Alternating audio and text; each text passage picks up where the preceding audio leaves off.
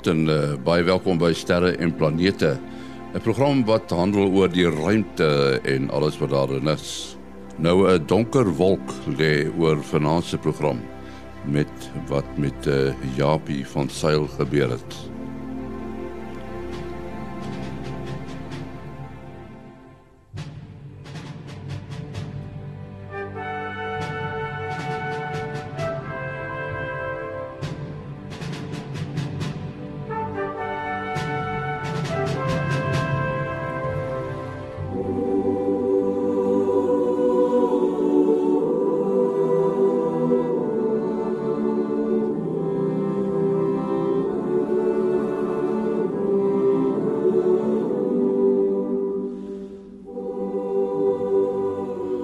Stem het stil geword in sterre en planete.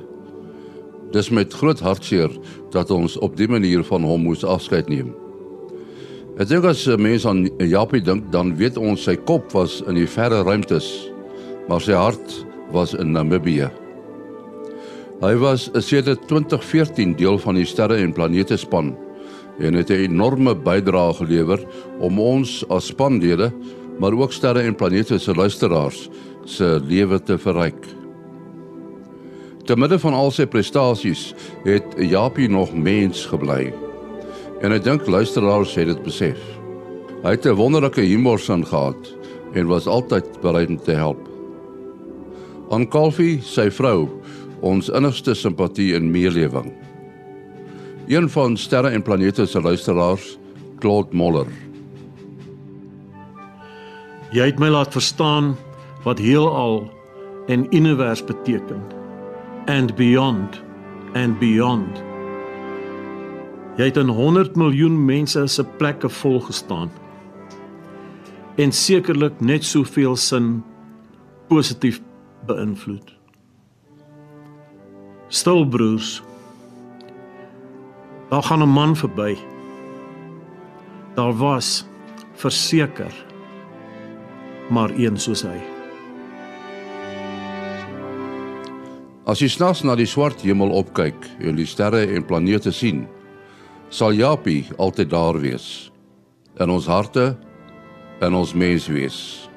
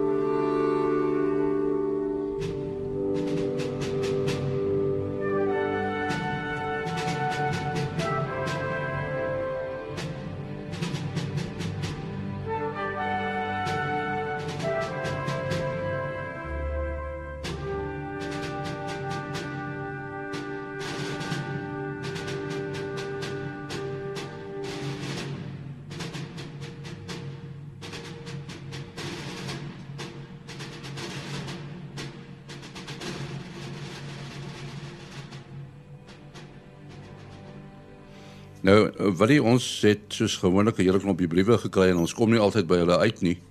Uh wil jy net vir ons aandui uh, watter briewe uh, is is belangrik uh, en waaroor moet ou nou oorsigtelik gesels? Uh, ja, daar is 'n paar briewe wat ehm um, wat, wat 'n paar algemene misverstande uh, wat mense so sien deurskemer. Ehm um, en soos wat ons nou al hierdie jare uh, vrae gekry het, selfs as ons nou sterpartytjies hou en so aan, kry 'n mens baie maal 'n uh, spesifieke vrae en en jy kan sien daar is daar is goed wat wat mense net net oor die algemeen misverstaan.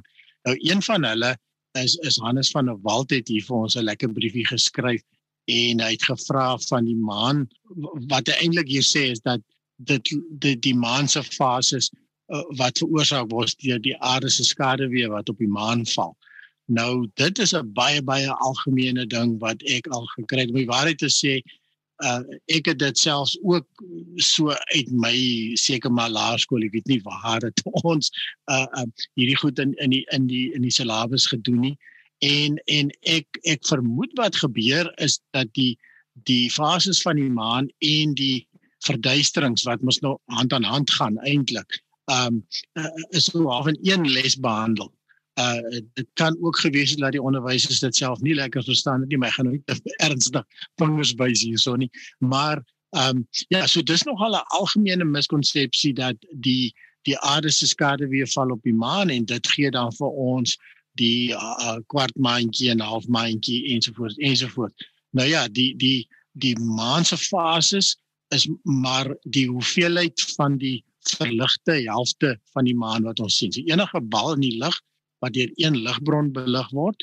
ehm um, is die helfte van dit is donker en die ander helfte is is is, is skyn die son op en dan soos wat die maan uh, in in 29 en 'n half dae is eintlik 'n bietjie minder maar die die die herhaling van die uh, volmaan tot volmaan of nuwemaan tot nuwemaan is roweg 29 en 'n half dae um beweeg die maan dan deur verskillende fases sê maar van nuwe maan tot volmaan omtrent 14 dae later en dan weer nuwe maan uh nog 14 dae of 29 en 'n half dae altesaam. So uh, dit is dit is dan 'n uh, soort van 'n algemene uh um, mis, misverstand wat jy wat jy daarso kry. En dan het Frikkie Eigelaar vir ons hier ook 'n briefie geskryf en hy het ook 'n eie korreksie later gestuur um van na aanleiding van wat ons nou eendag gepraat het van die um in die 1960s wat iemand uh, hierdie komeet gesien het.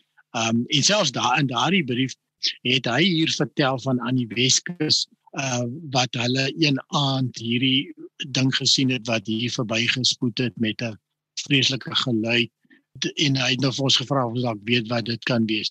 Nou ja, dis natuurlik baie moeilik want dit is 'n meteoor. Hy noem dit hier 'n meteoriet, maar natuurlik 'n meteoriet is wanneer 'n meteoor of 'n verskietende ster die aarde op die aarde geval het soos die Hubble meteoriet daar by Grootfontein byvoorbeeld wat die grootste ystermeteoriet is.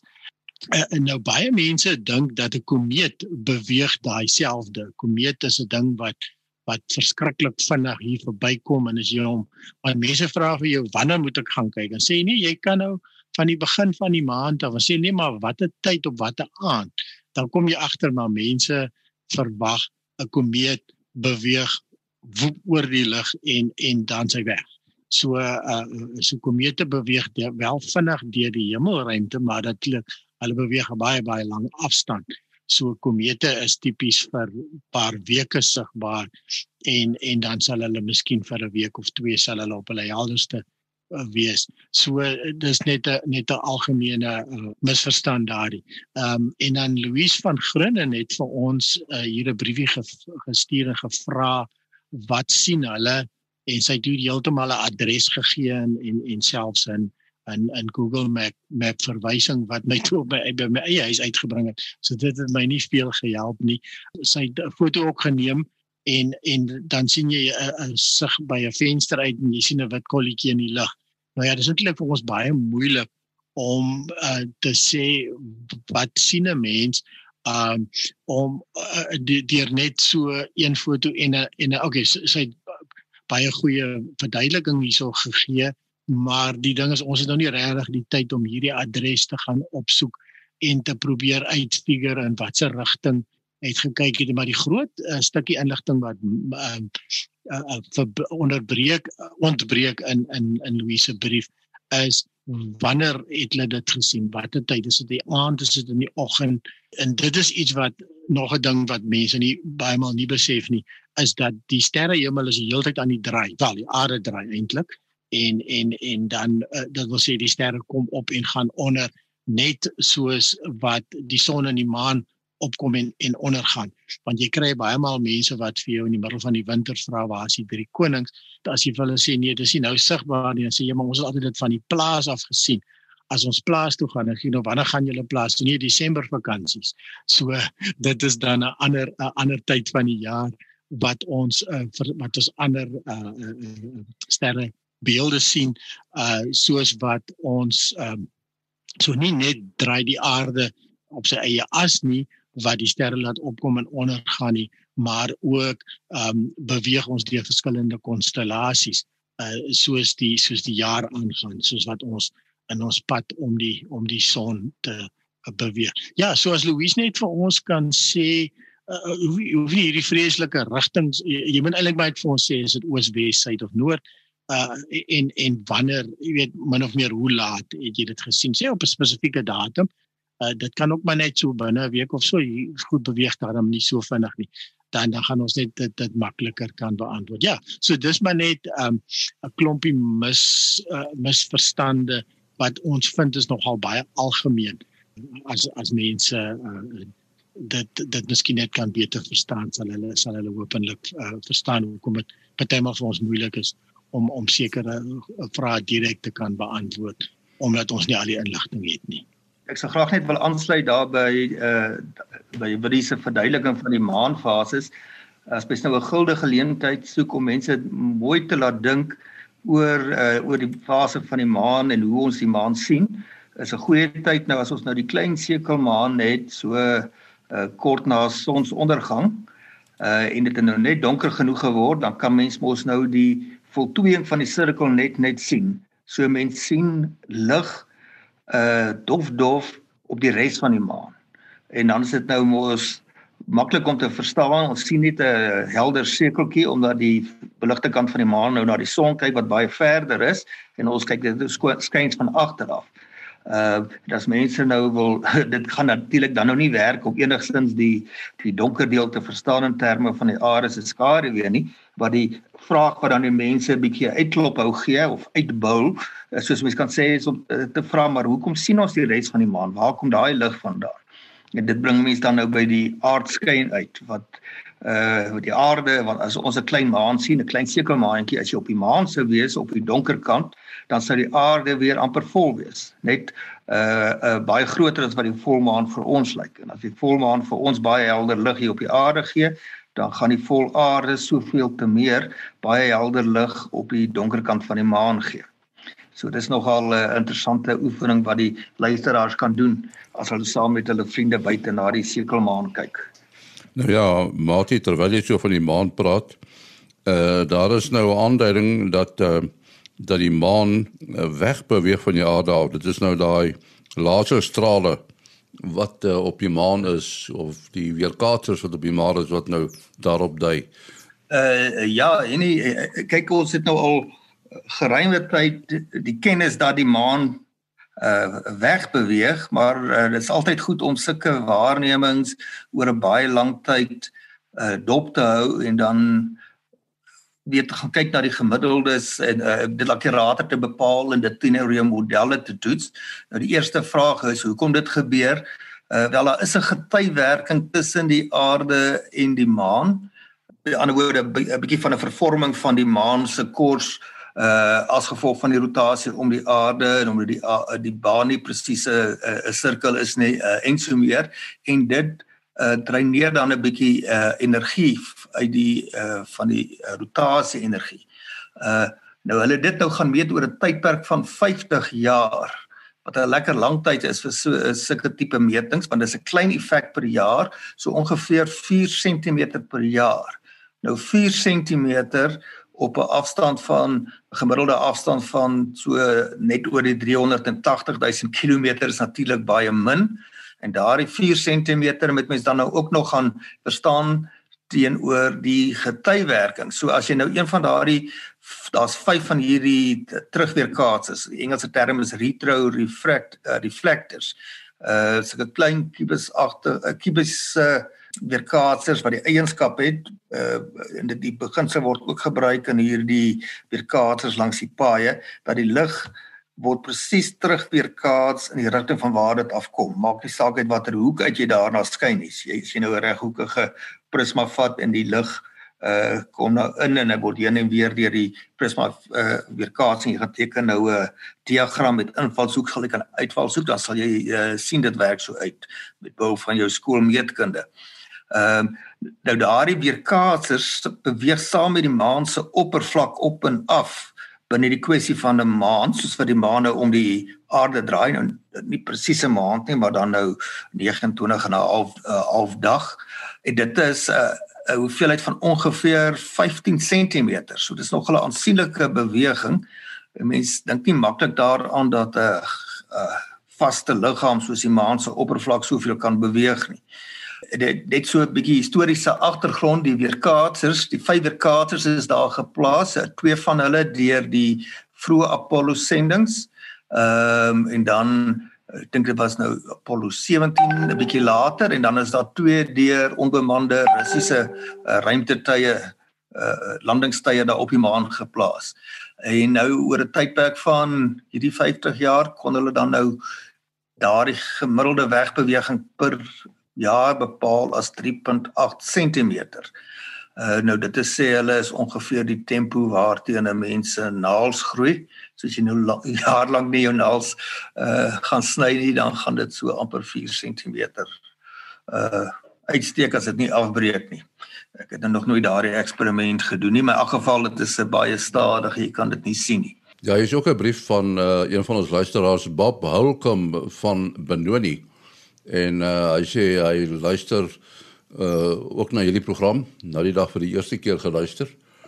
En ehm um, hy sê hy het gehoor dat uh daai twee planete, synde Jupiter en uh Saturnus so lig is dat uh, hulle op water sou kon uh, dryf.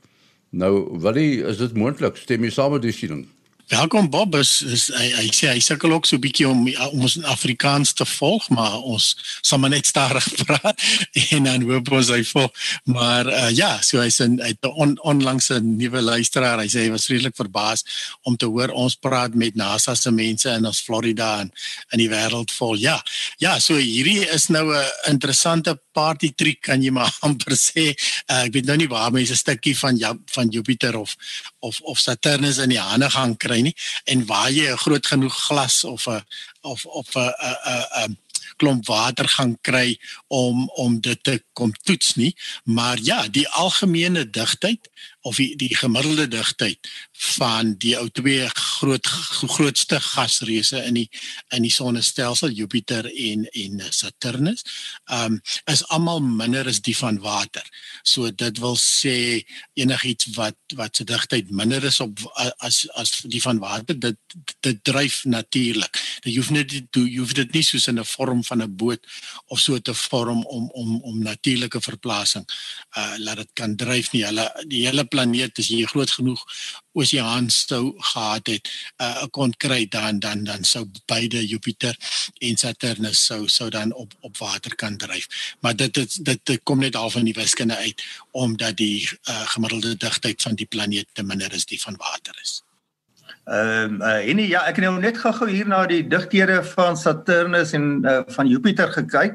Uh die digtheid van uh, Saturnus is uh 687 kg per kubieke meter met ander uh, teenoor water se digtheid van 1000 kg per kubieke meter. So dit is so dis 68,7% die digtheid van water.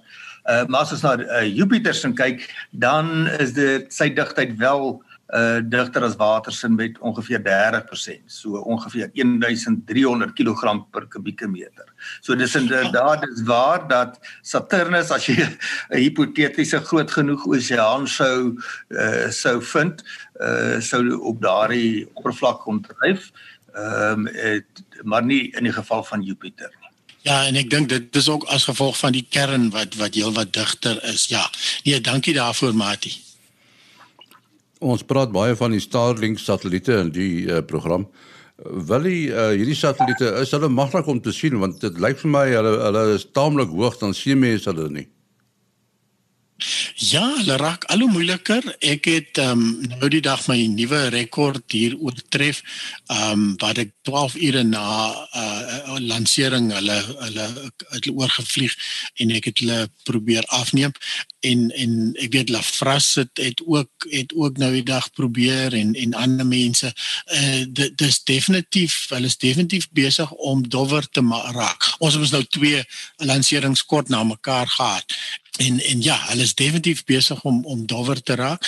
Ehm um, ek het hier op 'n oulike artikel afgekom waar ek nou bietjie gaan kyk het na die uh, wel die die redes het ek min of meer geweet. Ek dink ons het op 'n vorige program ook genoem en ehm um, die die die die eerste wat hulle doen is is die rigting waaraan die satelliet gedraai word um met betrekking tot die aarde net na lansering is is is anderster. Dit vat hulle nou langer om die satelliete in hulle baan te kry met hierdie want dan kry hulle sonpanele nie so vol son nie.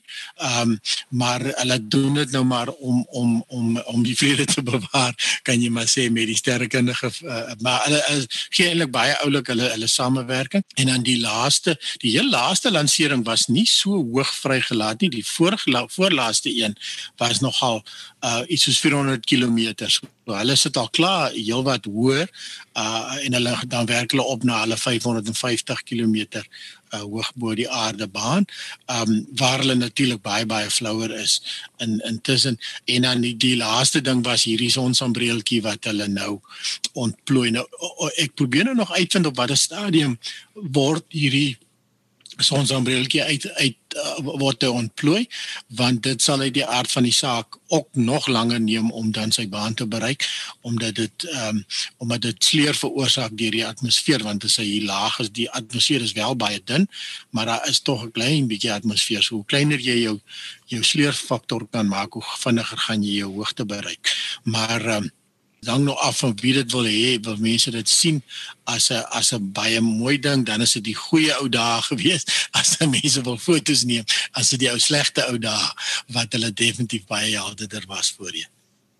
Ja, ek sien hier 'n berig dat uh dat hulle behoog om 120 van hierdie satelliete per maand te lanseer. Dit is nou nogal taamlik indrukwekkend moet ek sê. So uh, die hele ruimte gaan vol van hierdie satelliete wees. Daar is uh, 'n storie dat NASA 'n ballon die lug wil instuur wat die grootte is van 'n voetbalstadion. So dit dit is 'n reuse ding. Ek wonder hoe hulle gaan te werk gaan om dit reg te kry. Ja, nee, hierdie is 'n baie interessante uh projek. Hulle wil op die hoogte van die stratosfeer. Nou hulle praat nou hier van 24.6 myl uh so sê die verbrande Amerikaners, dan sit hulle nog 'n desimaal by, maar dis ongeveer 40 km. So hoog op in die atmosfeer waar die atmosfeer al baie dun is, wil hulle 'n teleskoop met 'n grootte van 8.4 voet. dit so ongeveer 2.5 meter as ek nou so vinnig hoofberekeninge doen. Ehm um, wil hulle daarop sit wat in die uh ver infrarooi lig. Maar nou hoor uh, baie baie langer golflengtes as wat mense met die met die oog kan sien, wil hulle waarnemings doen dat die atmosfeer absorbeer daardie golflengtes. Dit kan dus of in die ruimte of daar hoog in die dun atmosfeer waargeneem word. En die rede hoekom hulle dit wil doen, wel daar's twee, ten minste twee goeie redes. Die een is hulle kan daardie golflengtes gebruik om die beweging van gas en materiaal rondom 'n ster wat om hom draai in 'n akkresieskyf om daai spoed te beweeg by wyse van die Doppler effek. Okay, dit is die een rede, baie interessante waarnemings wat hulle kan doen wat hulle sover nie met ruimteteleskope gedoen het nie. En dan 'n baie goeie praktiese rede Uh mens kan jou nou indink met hierdie ruimteteleskope, dit is 'n pro projek wat oor 'n hele paar jaar uh gebou word en wanneer dit uiteindelik gelanseer word, het dit nie die nuutste tegnologie nie. Nou met so 'n groot ballon kan hulle op oor 'n baie korter termyn projek uh in werking stel en dan die nuutste tegnologie gebruik of baie jonger tegnologie en hulle kan dan ook op 'n baie goedkoper manier nuwe tegnologie gaan toets in die ruimte eerder as om nou 'n paar biljoen dollar uh ruimteteleskoop te gaan gebruik om nuwe tegnologie te probeer toets. Goed, uh, ons moet afsluit. Wat is jou besonderhede? Ja, mense kan bel SMS WhatsApp 0724579208.